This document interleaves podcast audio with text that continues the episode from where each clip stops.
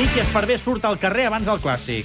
Madrid-Barça, anem a fer una porra. Venga, empezamos. Jo crec que és un, serà un partit difícil. Caramba, no me diga. Jo crec que un 1 a 3 estaria molt bé. No bien, no.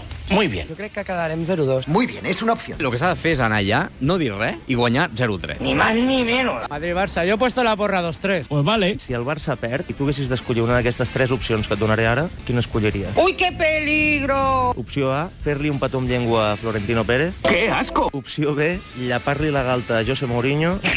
Opció C, ficar-te al llit amb Cristiano Ronaldo una nit. Puedo ser rico, puedo ser guapo. Home, la tercera és horrible, perquè em pot destrossar, potser.